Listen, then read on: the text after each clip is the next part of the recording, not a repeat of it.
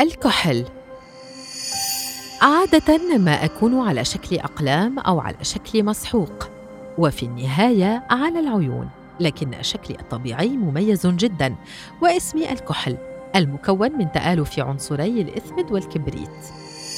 تاريخياً أنا أحد أقدم الأحجار المستخدمة عبر العصور حيث تم استخدامي للمرة الأولى في العصر البرونزي أي حوالي 3500 عام قبل الميلاد. وامتددت عبر الحضارات ففي الحضارة الفرعونية كنت موجوداً وعند الفينيقيين.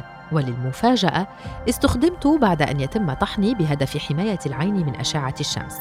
فالزينة لم تكن السبب الأول في استخدامي. حالياً لم أعد أستخدم للزينة لكن لي الكثير من الاستخدامات الأخرى التي تتفاجأ منها.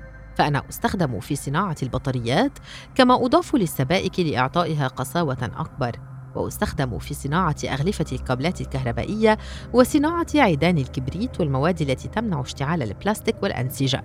بشكل عام سأبقى في حياة الناس.